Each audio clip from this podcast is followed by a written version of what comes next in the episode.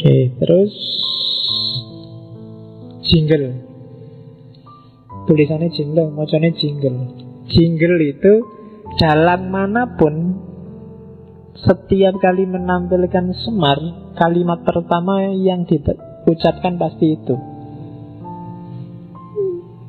Bergegek, ugek-ugek, mel-mel, sakndulit. Kadang-kadang dibaca sakndulito, langgeng. Kadang-kadang nggak pakai langgeng tapi oleh-oleh. Tapi itu intonasinya lucu nek, karena saya bukan dalang ya raiso lucu. Mungkin yang kamu bisa dalang bisa mengintonasikan itu dengan bagus. Jadi bergegek, ugek-ugek, mel-mel, sakndulit, langgeng. Bergegek itu kamu diam nggak ngapa-ngapain. Ugek-ugek itu bergerak-gerak. Mel-mel itu mengais-ngais nyari makan. Sakndulit ya sakndulit.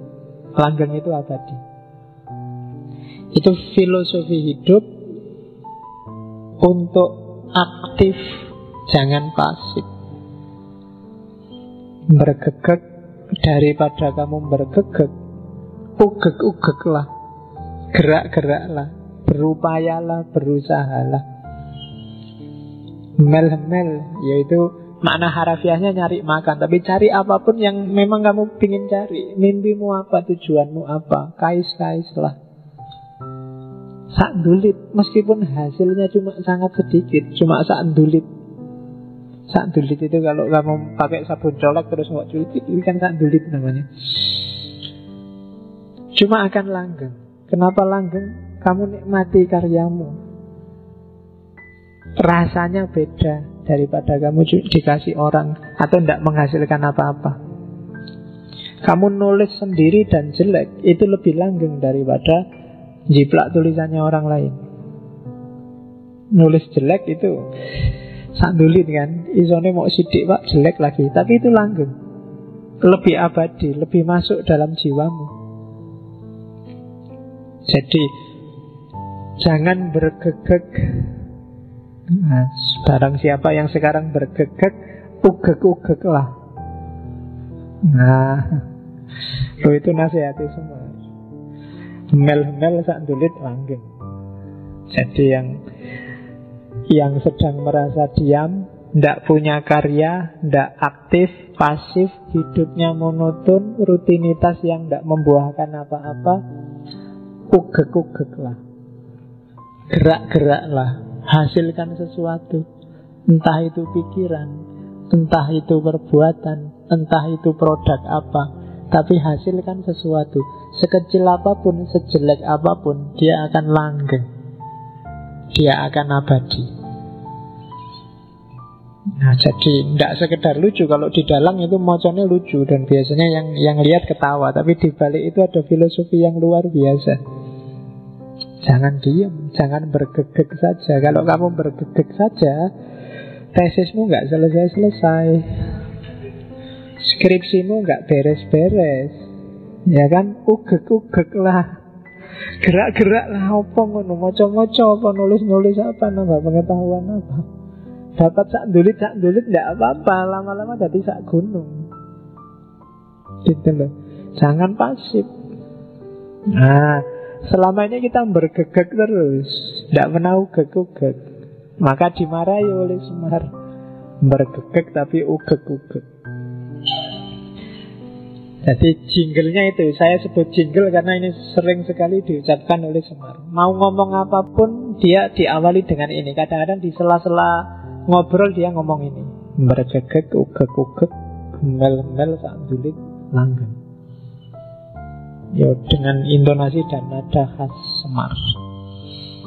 Oke, kalau di Ponokawan Semar itu kan punya empat anak yang bukan lahir dari istri. Jadi ada Gareng, Petruk, eh tiga anak Gareng, Petruk, Bagong. Sebenarnya itu simbol-simbol. Kalau Bagong itu simbol revolusi karena dia selalu bantah. Kalau Gareng itu simbol kritisisme dia selalu mempertanyakan. Kalau Petro itu simbol ketidakterikatan oleh aturan, oleh pokoknya oleh dunia di level apa pun itu Petro. Yaitu ciptaannya para wali.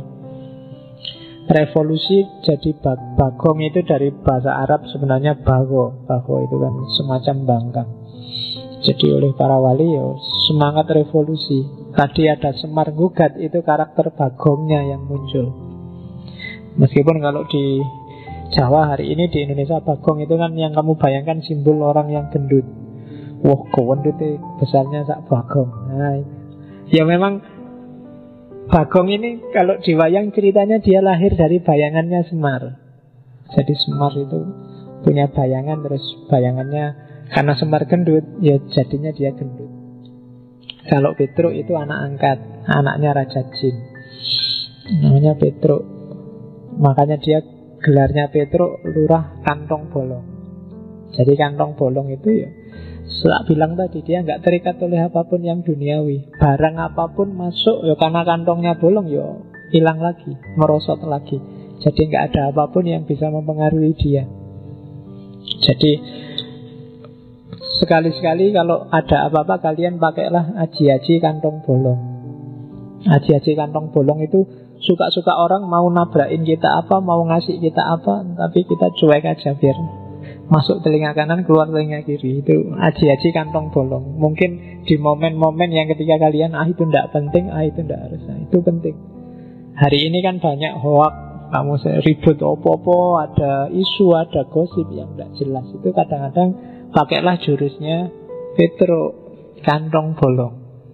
Jadi kalau besok kalau ada orang ngomong hoak ya kamu Bikin aja komentar kantong bolong. Biar aja masuk tapi nanti akan keluar lagi. Jadi nggak harus dipikir serius. Nah itu puno kawannya Pandowo. Gareng, Petruk, Semar, Bagong. Terus kita masuk ke ajaran sekarang yang tadi di awal kan gambaran fisiknya. Filosofi yang kita ambil dari fisik jadi fisiknya saja punya makna filosofis yang luar biasa.